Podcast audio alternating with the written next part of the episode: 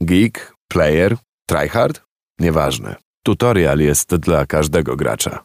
Marcin Przybyłowicz i Piotr Adamczyk, moimi gośćmi w Radio Campus. Cześć, dzień dobry. Cześć. Cześć. Panowie, od tytułów powinniśmy zacząć. Z tym zawsze, zawsze są problemy, bo powiedzieć, że jesteście ludźmi odpowiedzialnymi za muzykę w CD Projekcie, to chyba, to nie wszystko. No tak, zgodny z prawdą zresztą też. Y, o CD Projekcie będziemy rozmawiać y, w dalszej części tej naszej pogawędki, pogadanki. Ja bardziej chcę zaznaczyć, że no właśnie, jak do was napisałem, że chciałbym się z wami spotkać, to, to napisałem wam, że raczej chcę z wami pogadać, a nie zadawać wam pytania i ta, taką konwencję chciałbym przyjąć.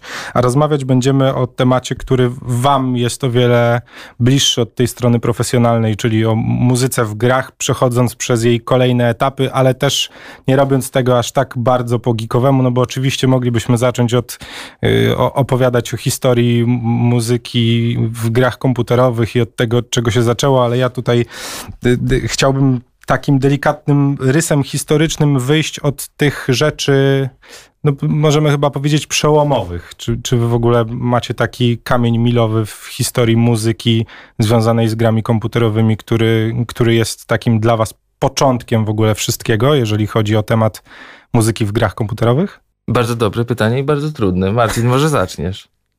No właśnie miałem nadzieję, że ty pierwszy powiesz i ja wiesz, że w lepszym stylu z tego wybrane, bo więcej czasu będę miał. Kurde, to, to wiesz, tak jakbyś pytał, nie wiem, o początek, wiesz, dziejów, nie? W zasadzie można powiedzieć, bo historia gier nie jest może zbyt długa, ale za to bardzo intensywna i dynamiczna. Ja no ale jak myślicie w ogóle o, o dźwiękach w grach i o muzyce w grach, to macie taki jakiś pierwszy obraz, który wam przychodzi do głowy, takiej właśnie gry, która zapadła wam w pamięć, że to było wow, nikt tego nie zrobił, albo o Jezu, jak to brzmi? To z osobistego punktu widzenia to dla mnie na pewno było Diablo. Okay. To jest taka gra, która gdzieś tam się wryła e, w pamięć i w ogóle w, w też takie pojmowanie, że, że, że, ta gra nie musi być, że muzyka nie musi być tylko tłem, tylko jest taką jakby integralną częścią całego artu w grze to na pewno Diablo. I jedynka, i dwójka. No i ja teraz też bym chciał powiedzieć Diablo, ale dupa, nie? Bo, bo już wykorzystał. E, ale z tej samej epoki, e, oprócz Diablo, dla mnie to jest na pewno drugi Warcraft, e, bo ta muza bardzo mi się wryła w pamięć. No i nie możemy o pierwszym Quake'u zapomnieć. Czyli muza w, w dystrybucji na CD, razem z grą, czyli odpalasz grę, włączasz sobie CD do playera i tam hmm. idziesz. To, to był faktycznie taki moment, no. że, że, że to już poszło bardzo daleko. Już wtedy chyba wydawało się, że nie, no to już, to już chyba wszystko. No wiesz, no come on, Nine Inch Nails robiący muzę do Quaya, no to wiesz. No to prawda. Mam tu też takie ścieżki dźwiękowe powypisywane. Ja sobie z tych gier takich e, kamieni milowych, które mi się gdzieś, e, gdzieś wydawały takimi punktami zaczepienia, wypisałem sobie po pierwsze Tetris. No bo to, tak. co by nie mówić, no do tej pory wszyscy pamiętamy i mamy w głowie muzyczkę z Tetrisa, mimo że od... Mimo, że większość młodych ludzi, którzy grają w tym momencie w gry komputerowe nie mają prawa pamiętać Tetrisa, mimo że i tak wszyscy, wszyscy go kojarzą. No, ze starszych gier Mario, który też był takim no, któż nie zna dźwięków z Mario i one do tej pory chyba są ikoniczne już, więc można powiedzieć, bo są przecież wyciągane wszędzie jako podkłady do filmików na YouTubie, nie? No mhm. i mam jeszcze kontrowersję, czyli Pokémony. Ja nie grałem w Pokémony. Ja grałem w Pokémony jedne, to były chyba Gold na Game Boyu Color. To byłoby z jakieś 20 lat temu. I dużo tej muzyki nie pamiętam, ale pamiętam sporo muzyczki właśnie z Mario. I y, ona zwłaszcza po latach jest, jest bardzo imponująca, wiedząc z czym ci ludzie w ogóle musieli pracować. Mając jakieś te trzy kanały, wiesz, jeden, dwa monofoniczne kanał, jeden noizu chyba. Jakoś, jakoś tak, tak, no, coś takiego. Że i, i, mimo tego w tych, y, w takich bardzo ograniczonych ramach um, udało się stworzyć coś, co potem, wiesz, generacja tak naprawdę pamięta i wspomina, to czapki z głów.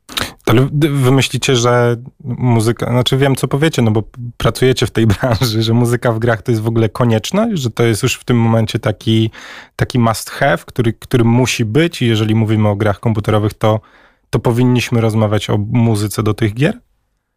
Mi się wydaje, że nie ma wyjścia, bo to jest trochę jak z filmem. No, nie wyobrażasz sobie filmu bez muzyki. Znaczy, są takie przypadki oczywiście, ale jest to często jakieś kino eksperymentalne, albo arthouse'owe, albo jakieś takie rzeczy. Jeżeli chodzi o gry, też znajdziesz pewnie przykłady, gdzie tej muzyki na przykład nie ma w ogóle, bo jest to, wiesz, efekt koncepcji artystycznej, obranej stylistyki, czy jakiegoś konceptu, który sobie tam wymyślisz. Natomiast no, zdecydowana większość, już o tym mainstreamie nie wspominając, czyli wiesz, o tym, w, w co ludzie najczęściej grają, o tych najpopularniejszych tytułach, no to nie da się. To jest integralny element całego doświadczenia. Bo muza w tym momencie i w, w, tym czasie, w którym rozmawiamy i w którym się obracamy, chcąc nie chcąc, możemy tą muzykę w grach komputerowych chyba podzielić na dwie części. Czyli tą działkę, którą wy się zajmujecie, czyli tworzenie specjalnie przygotowanych utworów pod konkretne tytuły, o tym później, no ale w bardzo dużej mierze nadal mimo wszystko raczej tworzy się playlisty pod gry, tak? No, wspomniałeś o, o tych największych tytułach, które, które grane są przez miliony graczy na całym świecie i są to tytuły, które gdzieś tam się przewijają też od lat. No mi taką serią, która bardzo mocno związana jest z muzą, a która już chyba wryła się w, w rynek gier komputerowych jest no po pierwsze FIFA, która ma gigantyczną... Która ma w ogóle swój subgatunek muzyki z FIFA, no nie? No tak, no ale Czasem słyszysz jakiś kawałek i myślisz, że to jest kawałek z FIFA. Słuchaj, no my do tej pory mamy takie, taką sytuację na antenie, że jak gramy Rockefeller Skank yy, na naszej antenie, to pojawiają się smsy o! FIFA 97. Do tej pory, mimo że od tamtego czasu minęło już ponad, grubo ponad 20 lat, to wszyscy nadal to pamiętają.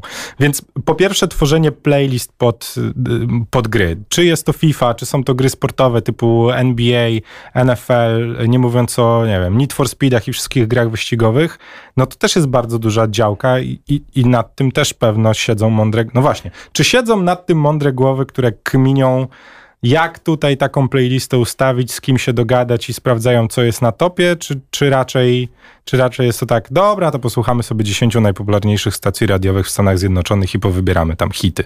Znaczy to zależy, jakie mądre głowy zapytasz, bo jak zapytasz nas, e, nasze mądre głowy, bo my do Cyberpunka też e, w mniejszym lub większym stopniu również braliśmy udział w tym procesie dobierania utworów e, z zewnątrz no to nasze mądre głowy ci powiedzą, że to zależy, nie? Zależy od potrzeb i, i, tego, co ty chcesz osiągnąć tak naprawdę, bo jeżeli masz grę, w której powiedzmy, tak spłycając, nie? Masz, załóżmy kalendarz premierowy co roku, czyli załóżmy jakaś tam FIFA właśnie, NFL czy coś, e, no to muzyka przede wszystkim tak sobie wyobrażam, no bo nie robiłem takiej gry nigdy, ale jej rolą jest e, jakby stworzyć pewną atmosferę e, zgodną z tym, czego ty się spodziewasz po takich meczach, nie?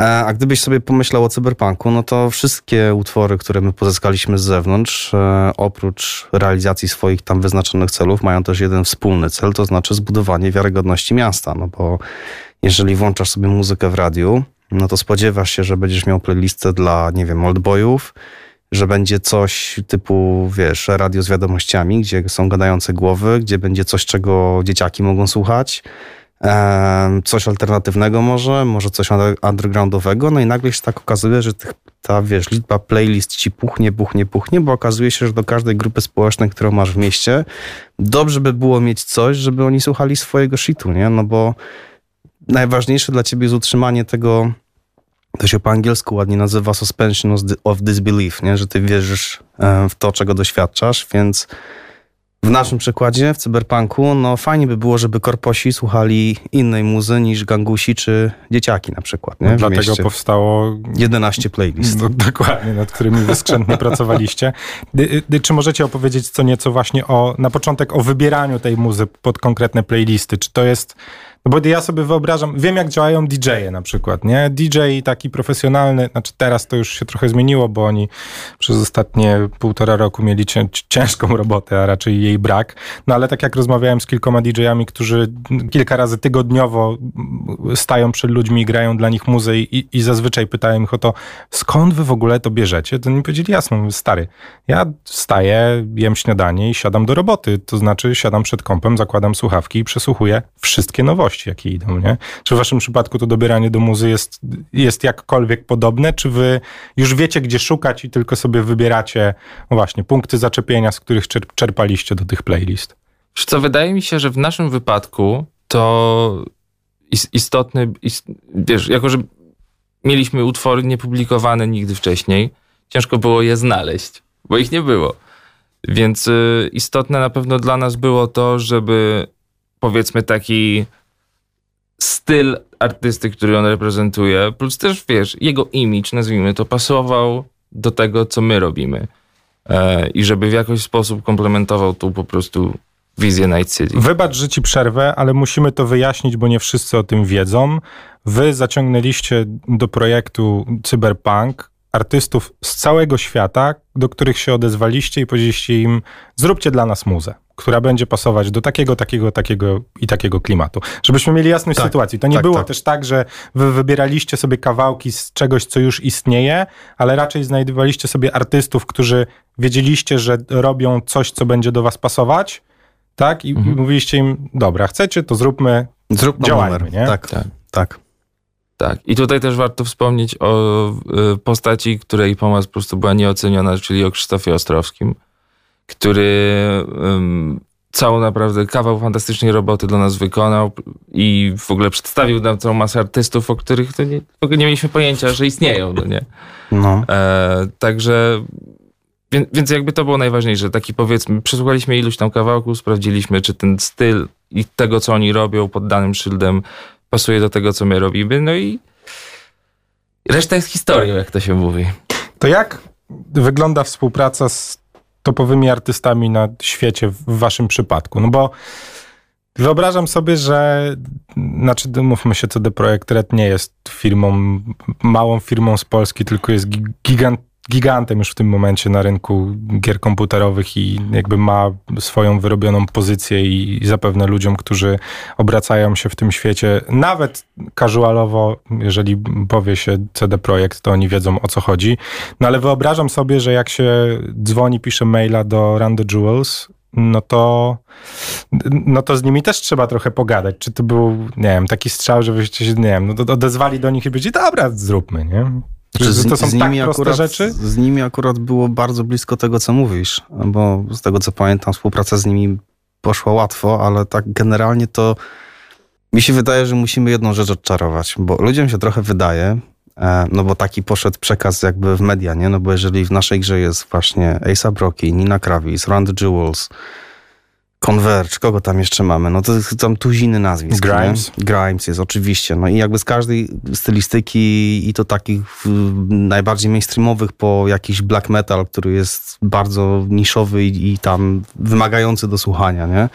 E, staraliśmy się o to, żeby faktycznie pozyskać nazwiska czy, czy projekty, które, zespoły, które, które naprawdę są fajne i, i wiesz, obie strony jakby zyskają na tym twórczo, nie? No, tylko realia, tylko realia są takie, że w przeciwieństwie do tego, co ludziom się wydaje, że teraz wiesz, my prawdopodobnie pojechaliśmy, nie wiem, do Stanów, siedzieliśmy tam miesiąc z nimi w studio, łoiliśmy, wiesz, wódę, paliliśmy jointy i było zajebiście, nie?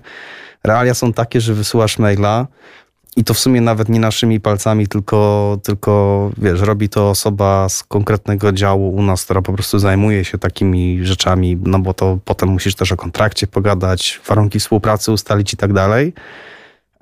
I ma to taki, no, bardzo mało seksowny korporacyjny wydźwięk, że tak powiem proces pozyskiwania ale takich czy, rzeczy. Czy, czy to kogoś jeszcze dziwi? W sensie, no my już wiemy, że... No ale trochę obala mit tego rock'n'rolla, nie? No niby Którego tak, nie, no, ale z drugiej strony, znaczy wiem, że to jakby ludzie trochę wyrzucają to z głowy, że artyści z topu topów, jeżeli mówimy w ogóle o muzyce, potrafią nagrać razem numer nigdy w życiu na oczy się nie widząc, nie? I też jakby ale Chyba... też y, jakby nie demonizujmy całej sytuacji. Gdy myśleliśmy zrobić samuraja, to siedziałem z Gentlemanami z Refused w Sztokholmie przez dwa tygodnie. No tam był rock Tam był rock and roll. Tak, no, tam nie? był rock and roll. To po powiedzmy też o tym, bo, bo to jest jakby kolejny punkt, o który chciałem was zahaczyć, który dla mnie w ogóle jest chyba najciekawszy, czyli robienie muzy do gier totalnie od podstaw czyli to, czym wy się zajmujecie, co miało miejsce w przypadku i Cyberpunka, i Wiedźmina.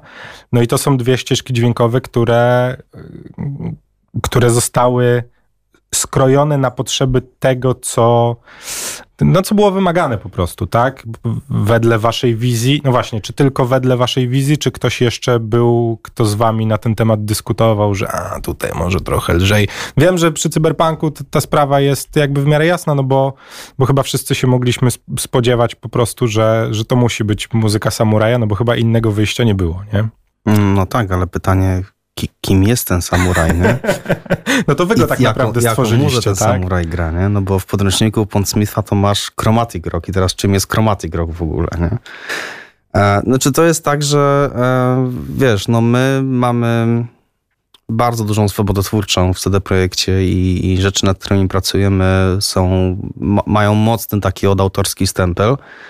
Natomiast oczywiście no, nie zapominamy o tym, że cokolwiek Piotrek czy ja robimy razem, czy osobno, no to wszystko musi istnieć w ramach jakiegoś większego kontekstu i większej całości, więc o ile możemy sobie pozwolić na czasami różne chore czasem pomysły, to wszystko jest ok, tak długo jak, y, wiesz, nie wychodzimy, czy za bardzo nie nadwyrężamy tych ogólnie ustawionych ram gatunkowych, na które wszyscy się umawiamy, no bo musimy pamiętać, że tak jak w zespole wszyscy generalnie powinni grać w tym samym timie, tak y, nasza firma też jest w pewnym sensie takim zespołem, drużyną, która też musi no, wygrać do jednej bramki, nie? I ten azymut dla wszystkich musi być y, wspólnie ustawiony tak, żeby nam się to po prostu nie rozjechało. No ale mieliście faktycznie taką sytuację, że zrobiliście coś, co zostało skillowane, w sensie, że już poszliście tak mocno, że ktoś przyszedł i powiedział, nie, to, to trochę przegięli, panowie. Ja raczej przypominam sobie sytuację, że nie przegięliśmy wystarczająco. Zastanawiam się, czy nie mieliście nigdy takiego, nie wiem, chociażby z czystej ciekawości, na, na jak dużo możecie sobie pozwolić, żeby w końcu ktoś przyszedł i powiedział, o nie, to już ja za Ja myślę, że takim dobrym testem tego, na ile możemy sobie pozwolić, był zespół Askrax w Cyberpunku, gdzie totalnie po bandzie poszliśmy i kurde, to działało. No tak, Więc tylko ewidentnie granica nie jest tam określona No jeszcze. tak, tylko z drugiej strony cyberpunk jest tak e, nowocześnie plastyczny, że on chyba byłby w stanie przyjąć prawie wszystko, nie? Wiesz co, mam taką historię jeszcze z zamierzchłych czasów Wiedźmina, zanim jeszcze Piotr do nas dołączył. Jesteśmy po premierze trójki. Wszyscy już nas kochają, gra się sprzedała świetnie, nagrody się posypały, zrobiliśmy pierwszy dodatek Serca z Kamienia, który powtórzył sukces podstawki.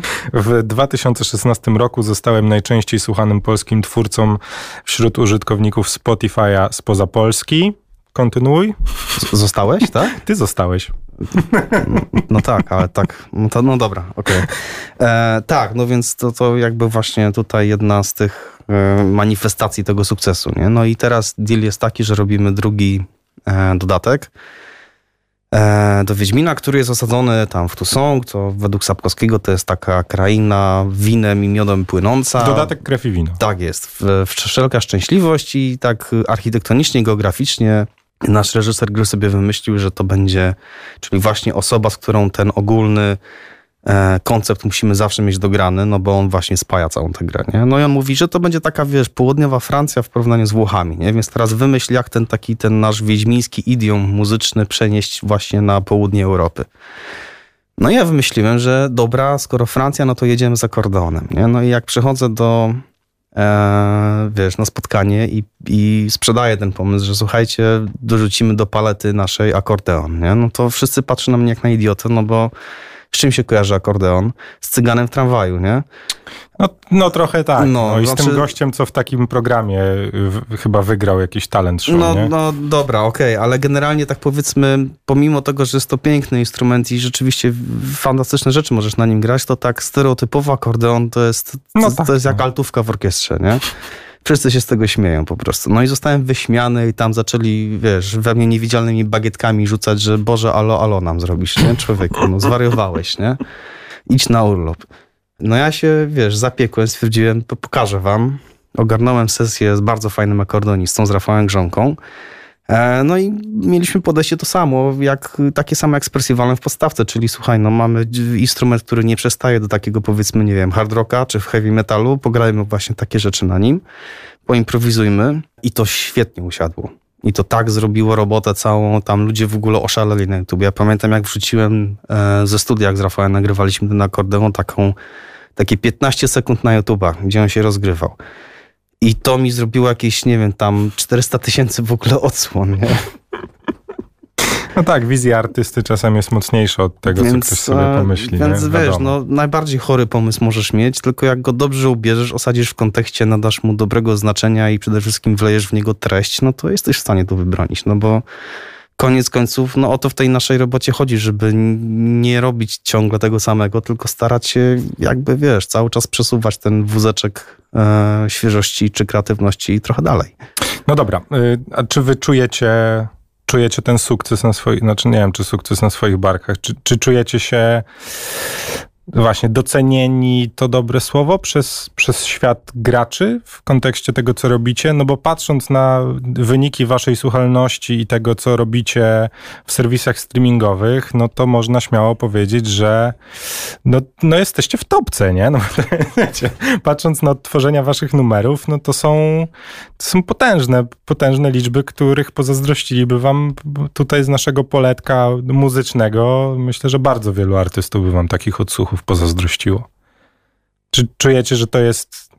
No bo wiecie, z jednej strony robicie muzę dla firmy, w której pracujecie, tak? No bo trzeba tak powiedzieć, jest to wasza robota, dostajecie tytuł taki to a taki, o tym, co robicie w tym momencie zapewne w ogóle nie możemy rozmawiać i nie, nie możemy powiedzieć, bo wy mi powiecie wymijająco, że mm, no tam coś robimy, ale w sumie to nie możemy, wszyscy wiemy jak to działa, no ale taką macie robotę, tak? Jedziecie do swojej pracy, dostajecie temat, przykład cyberpunk, robicie do tego muzę, ale czy poza tym, bo po- podejrzewam, że to samo w sobie jest superanckie, że jedziesz do roboty i, i robisz fajne rzeczy, współpracujesz z artystami na całym świecie. Tak, Okej. I ci za to płacą w ogóle. Tak, nie, no, No, jeszcze tak. pensję masz, nie? A czy z drugiej strony macie coś takiego, że, mm, że no właśnie, że spoglądacie sobie na te odsłuchy na YouTubie, na Spotify'u, na, na serwisach streamingowych i myślicie sobie, no, fajnie. To jest trochę w szoku. I, ale wydaje mi się, że też, y, że w ogóle to jest też ta różnica w grach CD Projektu, że tam tej muzyki jest dużo, ona jest ważna. Nie jest to, wiesz, minus 25, minus 30 decybeli pod, y, pod karabinami, tego w ogóle nie słychać. I jeszcze w takiej grze, grze jak Cyberpunk muza jest po prostu nieodłącznym składnikiem loru i w ogóle całego świata przedstawionego. Więc ym, to tak ja tylko połowicznie jest nasz sukces, nazwijmy to. Aczkolwiek, e, wiesz, Marcin to ma doświadczenie wiedźmińskie. Ja tego doświadczenia nie, mia- nie miałem. Gdy zostałem, wiesz, zasypany jakimiś wiadomościami, to było po prostu niezwykle miło. I tak nie bardzo wiedziałem, co, co zrobić. Po prostu grzecznie odpisywałem, że dziękuję. Nie byłem przyzwyczajony do czegoś takiego. E, Wiesz, po latach niepowodzeń, jak większość muzyków zaczyna, to wiesz, tam grają u siebie w, w sypialni, albo wiesz, nie wiem, w domu kultury dla kilku znajomych. Nie jesteś przyzwyczajony do czegoś takiego. Ja kompletnie nie byłem. Także to było na maksa miłe i y, aczkolwiek też wydaje mi się, że po części y, to, co my robimy, wpisuje się w taki powiedzmy ogólny trend zainteresowania muzyką, czy to filmową, czy to grową, bo tak pamiętam z 5, 6, no nie wiem, 10 lat temu, e, gdy ktoś powiedział, że słucha muzyki filmowej, to był trochę dziwakiem. Tak mało osób tego słuchało, wiesz. Byli fanatycy, nie wiem, Johna Williamsa, czy tam Jerry'ego Goldsmitha, ale nie wiem, rozmawiając nawet ze, ze znajomymi, rzadko rozmawiało się, że ona przed w tym serialu jest fajna muza. Jakby mało kto zwraca na to uwagę. Mam wrażenie, że nie wiem, czy to jest y, właśnie efekt na przykład działania FMF-u albo wiesz, y, jakiejś innej rzeczy, ale jest dużo więcej zainteresowania muzyką ilustracyjną, powiedzmy. No dobra, ale muzyka do, do cyberpunka nie jest tylko i wyłącznie muzyką ilustracyjną. Nie szukujmy się, no to jest muza, której spokojnie można słuchać jakby daily na słuchawkach i ona nie musi być obrazem do gry, bo ona jest po prostu, znaczy inaczej, ona by się obroniła, gdyby była tylko muzą. Znaczy, A to, że jest też dodatkiem do gry komputerowej, no to swoją Jeżeli drogą, tak nie? mówisz, no to znaczy, że my swoją pracę wykonaliśmy dobrze, bo nasz punkt widzenia jest zgoła odwrotny, bo my przede wszystkim musimy zrobić coś, co będzie dobrze sobie radzić w ramach swojego medium, czyli robisz score do gry i w ramach tej gry ten score musi spełnić swoją określoną rolę. No bo taka jest nasza rola. Tak jak kompozytor filmowy też w filmie ma określoną rolę do wypełnienia swoją muzyką, tak samo my to mamy. No i teraz, jeżeli dochodzi do momentu, w którym na przykład ty mówisz, że muzy cyberpunka da się słuchać poza grą, to znaczy, że nam się udało wyjść poza to medium pierwotne i nie tylko jakby, wiesz, odznaczyć checklistę rzeczy, które zrobiliśmy tak jak trzeba, żeby ta muza w ramach gry działała. Ale też, no właśnie z takiego powiedzmy czysto muzycznego punktu widzenia, no udało nam się to obronić, te materie i stworzyć coś, co rzeczywiście samo dla siebie, niezależnie też prezentuje jakąś wartość, nie? No ale to są, to są, ja lubię o tym myśleć w taki sposób, że to są właśnie te najlepsze momenty, kiedy no, osiągasz po prostu więcej niż, niż pierwotnie jest zakładane, nie? No bo pierwotnie to jest najważniejsze to, żeby e, robić pod projekt po prostu. Czy wy dostaliście po, po tych kilku, no dobra, po latach współpracy z CD Projektem mieliście takie głosy? Bo ja próbowałem sobie wymyślić inne gry niż gry Redów, w których muza byłaby aż tak mocno związana z danym tytułem i została zrobiona specjalnie pod dany tytuł i byłaby jej nierozerwalną częścią. I szczerze mówiąc, no nie mam takich przykładów zbyt wiele. Jedyny, jedyna tak naprawdę gra, która przyszła mi do głowy, to gra bodajże z 97 roku, czyli Neverhood, który, jeżeli ktoś nie zna, ja wiem, że to jest gra, którą, która gdzieś przeszła bardzo mocno bokiem trochę i w pewnym momencie w ogóle była dorzucana do komputerów za friko, nie? Jak ktoś kupował. No ale to był no ja pamiętam to z czasów swojego dzieciństwa, tak. że to była po pierwsze gra przełomowa, bo została zrobiona poklatkowo, o tym, o tym też warto powiedzieć. No, po, poza tym muza została zrobiona specjalnie pod ten tytuł i ona jakby idealnie się w to wpisuje. Jakby i to jest tyle, nie? Trzy tytuły, które Ej, jestem w no, tym momencie w stanie wymienić. Doom 2016, Mick Gordon. No dobra, okej. Okay. Nie, to nie będzie ten sam Doom, jak wyjmiesz tę muzę. Tak? No, totalnie. Bloodborne, cała Soulsowa seria, w ogóle Dark Soulsy, to też jest Zelda. Mhm. No dobra, no Mario, o którym też no, wspomnieliśmy, no, on też już by się nie the bronił, Wild chociażby. No jeżeli wyjmiesz muzę, to, to, to już nie będzie Zelda, nie? Bo zastanawiałem się, czy wy już w tym momencie dostawaliście takie propozycje gdzieś, nie wiem, z Japonii, z Francji, ze Stanów Zjednoczonych, że jej chłopaki, rzućcie tutaj te wasze poletko, chodźcie do nas. Ja, wiesz, czekam. Każdą propozycję, wiesz, chętnie przejrzę. No nie? Chętnie rozważysz, tak? Chętnie rozważę każdą. No dobrze. Wiesz, wiesz, wydaje mi się, ma, mamy unikatową sytuację właśnie, że pracujemy in-house i możemy y, jakby pewne rzeczy też po prostu puszować i mieć wpływ, nie być po prostu osobą zakontraktowaną, która dostaje już gotowy brief, ale poniekąd tworzyć ten brief wspólnie z wszystkimi osobami go tworzącymi. I wydaje mi się, że też na tym może polegać różnica. Że to, wiesz, nie, nie jesteśmy osobami, które po prostu przychodzą do już gotowej wizji, tylko pomagamy gdzieś tam ją stworzyć. No, to jest, to jest podstawowa różnica. No, ja miałem ostatnio e, przyjemność e, zrobienia jednego utworu do ostatniego rezydenta do Village. No i tam byłem zatrudniony jako tam jeden z, wolny strzelec e, i to było dokładnie tak jak Piotr mówi, czyli dostajesz briefa od audiodyrektora, który mówi, że ma być to i to, mamy taką i taką referencję, chcemy zrobić to i tamto. No i twoim zadaniem jest po prostu wpasować się w te koncepcje w taki sposób, żeby klient był zadowolony, no i oczywiście też w taki, żeby twoja sztuka mogła tam błyszczeć i wiesz, rozwinąć swoje skrzydła. Podczas gdy w CD Projekcie jest tak, że no dokładnie tak jak Piotr mówi, te koncepcje, ten plan na to, co my w ogóle będziemy robić, ustalamy my. Czyli to jest i na tym takim powiedzmy najbardziej ogólnym poziomie, typu na przykład muza w cyberpunku będzie inspirowana latami 90. Bo jeżeli byśmy mieli do jednego zdania sprowadzić score cyberpunkowy, to jest dokładnie to. Nie lata 80., nie Blade Runner, nie Synthwave, nie jakieś tam hybrydowo-orkiestrowo-elektroniczne rzeczy typu Deus Ex, tylko 90sy, bo to jest to, na czym my wzrastaliśmy, tam masz ten bunt, tam masz ten punch w muzie i to jest to, czego szukamy, nie? Więc mam, więc ten mm, ogólny koncept my ustalamy, ale również schodząc niżej, czyli podejmując decyzje takie już bardzo konkretne, dotyczące konkretnych miejsc w grze, czy w tym miejscu zagramy muzyką, czy nie zagramy muzyką, jeżeli tak, to jaka ta muza będzie, co my chcemy emocjonalnie wzbudzić w odbiorcy e, w danym miejscu gry, to też jest jakby nasza praca, to wszystko planowanie tego, ustalanie, wiesz, spisywanie, co w jakim momencie my zrobimy od strony muzyki, w jaki sposób, żeby to emocjonalnie dalej można było jakoś tam budować. Także pod tym względem no, my mamy bardzo dużo dużo autonomii i w związku z tym też um, swobody po prostu. No.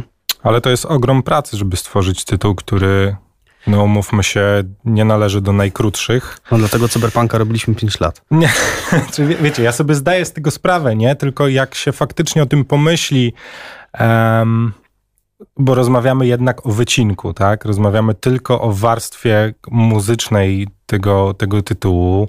No i jak sobie pomyślimy, że no właśnie, trzeba ogarnąć artystów, trzeba przesłuchać artystów, trzeba się z nimi skontaktować. Ja wiem, że macie za sobą całą rzeszę ludzi, która wa- wam w tym pomaga. Trzeba zrobić te utwory, nad którymi pracujecie praktycznie od zera. Trzeba znaleźć do nich kolejnych ludzi. Trzeba ogarnąć studio, trzeba to wszystko pomontować, pomiksować, a jeszcze do tego dochodzi wrzucanie muzy do oskryptowanych scen, które dzieją się podczas fabuły. I zaskryptowanie tego jeszcze, bo to też jest naszym udziałem przecież. No to, to wiecie, no. No. to, to nie jest nagranie 60-minutowego CD-ka, nie? No nie, no tym bardziej, że jeżeli zdasz sobie sprawę z tego, że ile skoro jest prawie 9 godzin? Bardzo dużo. No, czyli w trójkę razem z Polem Morganem zrobiliśmy tam prawie 9 godzin. To jest, ten, to, jest to, co my zrobiliśmy, nie? No to to jest 9 long playów, można powiedzieć, no, No. w 5 lat, nie? No, Troszkę mózg paruje jednak mimo wszystko. sporo tego. No tak. Y, Ale też y, wrac- to też jest taka sytuacja, że y, dzięki temu, że siedzimy in-house, to możemy pewne rzeczy przewidzieć, możemy trochę tę pracę jakoś rozłożyć sensowniej. E, I to są kolejne plusy jakby pracy w ten sposób. Poza tym, wiesz, Marcin wspomniał o byciu, e, byciu zakontraktowanym do stworzenia jednego kawałka. Ja bardzo często robiąc jakiś numer do cyberpunka, wrzucając go do Wise'a i potem go ogrywając, byłem totalnie świadomy, że to by mi nie przeszło nigdzie indziej. W sensie, bo nie wiem, powiedzmy, miałem numer, w którym był sam beat, albo sam bass, albo cokolwiek, jakby cokolwiek, co byłoby bardzo ciężkie do, do sprzedania komuś, jako gotowy numer na przykład, no nie? Albo jak, że to jest mój taki pomysł, że tutaj będzie tylko to. E, a jakby wiedząc do, dokładnie, że nie wiem, tu będzie, tu będzie jeszcze jakiś ambience, tu będzie voiceover, coś tam, mogłem się jakoś e, samodzielnie w, w tą dźwiękową tapetę e, wpasować. Także podejrzewam, że zrobienie 9 godzin e, jako outsourcer byłoby niewykonalne, ale gdy siedzisz w środku, to jest to do zrobienia, czego dowodem jest nasza gra. ty, ty, kusi was czasem, znaczy w ogóle, czy, czy miewaliście w swojej karierze mm, tej pracowniczej takie myśli, że a no, może sobie płytę nagrał po prostu. Ja mam cały czas takie marzenia. Cały ja, czas. Do mnie to wraca też. Znaczy wiecie, bo się Tak. z- zastanawiam się też, d- d- no, prowadząc od kilku lat tutaj rozmowy z, z najprzeróżniejszymi ludźmi, pytając ich o to, jak oni tworzą muzę, no to jednak zazwyczaj artyści mówią o czymś takim jak to natchnienie, jak o impulsie, albo nie wiem, ważnym wydarzeniu z naszego życia, które tknęło nas do napisania jakiejś muzy, jakiegoś kawałka, jakiejś płyty i tak dalej, i tak. W waszym przypadku sytuacja wygląda zupełnie inaczej, bo wy musicie wywrócić to wszystko do góry nogami, tak? No i wejść trochę no właśnie, to może to źle zabrzmieć, ale nie? Wy musicie w pewnym sensie stać się muzykami, którymi tak na dobrą sprawę nie jesteście, nie? To tak sobie wyobrażam tą robotę na przykład przy cyberpunku, czyli jakby wcielić się trochę w rolę no właśnie, artysty, który ma, artysty, którymi jesteście, ale jakby wejść w postać kogoś zupełnie innego. No i zastanawiam się, czy to też jest takie, w sensie jak to się robi? Czy, czy to jest easy na zasadzie, że, że wiecie, w którą stronę podążacie i, i macie koncepty na to, przychodzą wam tak, że pyk, pyk, pyk, pyk, pyk, czy jednak gdzieś jest ten moment, w którym trzeba usiąść, nie wiem, z kartką papieru, posłuchać jakiejś innej muzy, żeby, żeby gdzieś ta, no właśnie, inspiracja nadeszła? Mi się wydaje, że to wszystko zależy od e, człowieka i od tego, mm, czego ty chcesz, od, od tego rzemiosła, które wykonujesz, czy od tej sztuki, którą, którą się parasz, bo wiesz, nas, nas odróżnia jedna rzecz tak naprawdę od tych e, muzyków, którzy właśnie nagrywają płytę i napisali piosenkę pod wpływem impulsu, nie wiem, urodziło się dziecko albo jakieś inne ważne wydarzenie w życiu. No, my przede wszystkim robimy show biznes. Czyli to nie jest tak, że ty masz płytę, nagrywasz i teraz nagrywasz ją trzy miesiące albo dwa lata, bo właśnie szukasz inspiracji i nie masz jeszcze piosenki wybranej. No tylko my przychodzimy do roboty, nie? Siadamy przed kąpem i tam trzaskamy tę muzykę. Ale więc... to, faktycznie jest tak, że nie wiem, macie tydzień na napisanie numeru. No, no to trzeba wiem. tak planować, bo inaczej to byś się w ogóle o własne kopyta wywrócił. No bo jeżeli masz, wiesz, pięcioletni okres produkcji i jakieś w ogóle absurdalne ilości muzy do napisania, to to trzeba wbić w kalendarz i to trzeba po prostu realizować krok po kroku, nie? Natomiast to wszystko nie wyklucza tej mm, artystycznej strony, no bo spora część naszej pracy jest tą pracą taką wyrażoną rzemieślniczą, nie? E, że, że to nasze rzemiosło bardzo często nas określa tę naszą pracę. Natomiast e, to wcale nie oznacza, że nie ma w nim miejsca na inspirację, na wenę, na tchnienie, czy po prostu realizację sztuki, no bo koniec końców no, muzyka jest sztuką przecież, więc to jest to, co mówiłem wcześniej, nie? że od nas się oczekuje, żeby muza, którą my robimy, działała w określonym kontekście i to jest jakby ten najbardziej podstawowe, najbardziej podstawowe kryterium oceny tej muzyki. Natomiast wszystko, co jest wyżej, jest wartością dodaną, no jest właśnie realizacją tej sztuki. Mi się poza tym wydaje, że w każdym projekcie są jakby jakbyśmy wyobrazili sobie diagram, są dwa koła, jest to, czego projekt potrzebuje, a w drugim kole jest to, co ciebie w ogóle muzycznie interesuje, co cię kręci. I zwykle jest jakiś punkt wspólny, albo w ogóle cały obszar wspólny. I wydaje mi się, że należy po prostu eksplorować to. I Totalnie. wtedy jakby, wiesz, jakby inspiracja, pomysł, te rzeczy same przyjdą, bo po prostu robisz to, co lubisz. Może, wiesz, troszeczkę się naginasz do tego, ale trzeba właśnie celować w w, w te rzeczy. Nakupowałem całą masę instrumentów do Cyberpunka. Lubię instrumenty, które mają dziwne interfejsy. Tak jest zresztą chyba już kiedyś o tym rozmawialiśmy. I to była dla mnie po prostu raz, że niesamowita zabawa, a dwa też sposób, żeby generować rzeczy w taki, może nie w stu procentach świadomy sposób. No nie, o, wsadzę ten kabelek tutaj, ciekawe co zrobi. Nie, nagle robi coś takiego. E, więc wydaje mi się, że to jest, yy, to jest the way to go.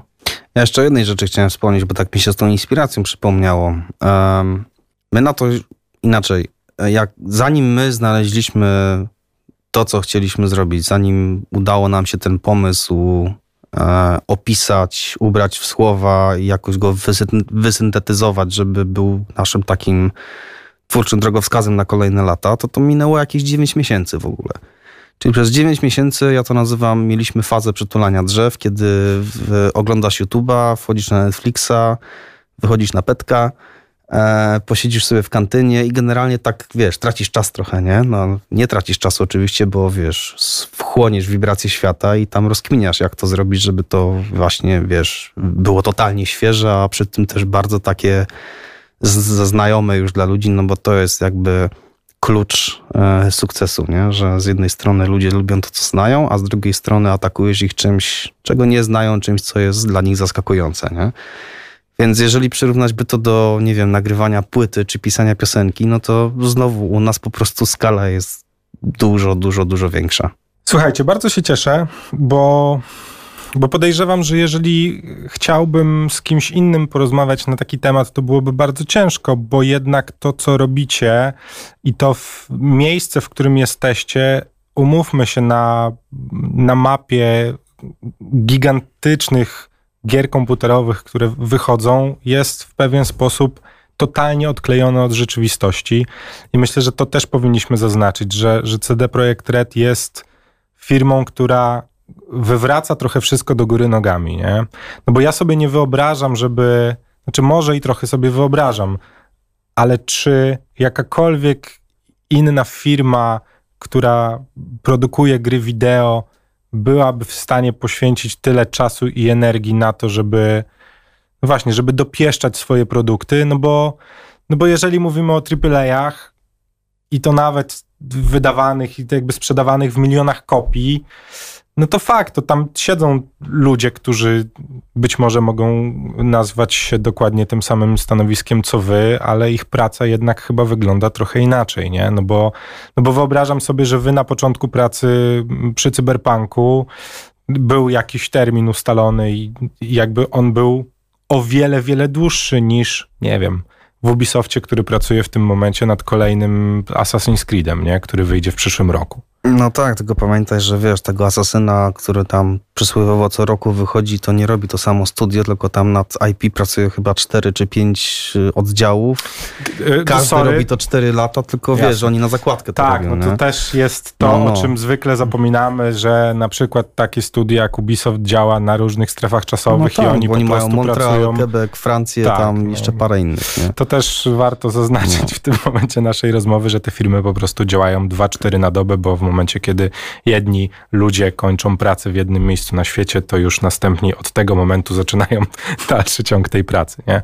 Więc jakby dlatego też chciałem wspomnieć o tym, że wy jesteście no trochę jednak mimo wszystko odklejeni od tej rzeczywistości, nie? W sensie ja wiem, że to odklejenie od rzeczywistości może brzmieć delikatnie pejoratywnie, ale mówię to w jakby dobrym tego słowa znaczeniu, no bo no bo tak na dobrą sprawę ze świecą szukać gry, z której można wyciągnąć ścieżkę dźwiękową i spokojnie iść sobie z nią przez ulicę, nie?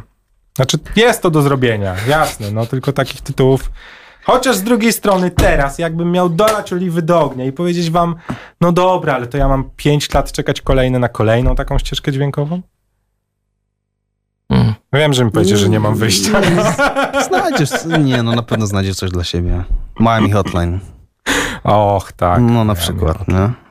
To teraz żeś przypomniał. Wiesz, je- jedna tylko rzecz do dodania, że z tego, co ja się orientuję, to faktycznie, wiesz, powiedzmy music team, który pracuje w studiu w tym samym czasie, co deweloperzy, to jest taka rzecz dosyć oldschoolowa.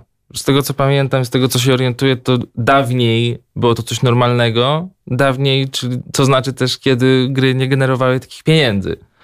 A gdy zaczęły generować, wiesz, duży zysk, to raz, że zainteresowała się branża po prostu muzyczna, żeby wciskać y, te kawałki. I to jest to w ogóle o czym rozmawialiśmy też na początku, że z tego co pamiętam, jak była FIFA 9.8 i był Blur Song 2 w środku, to to już był znany numer, kiedy tam Tak. był.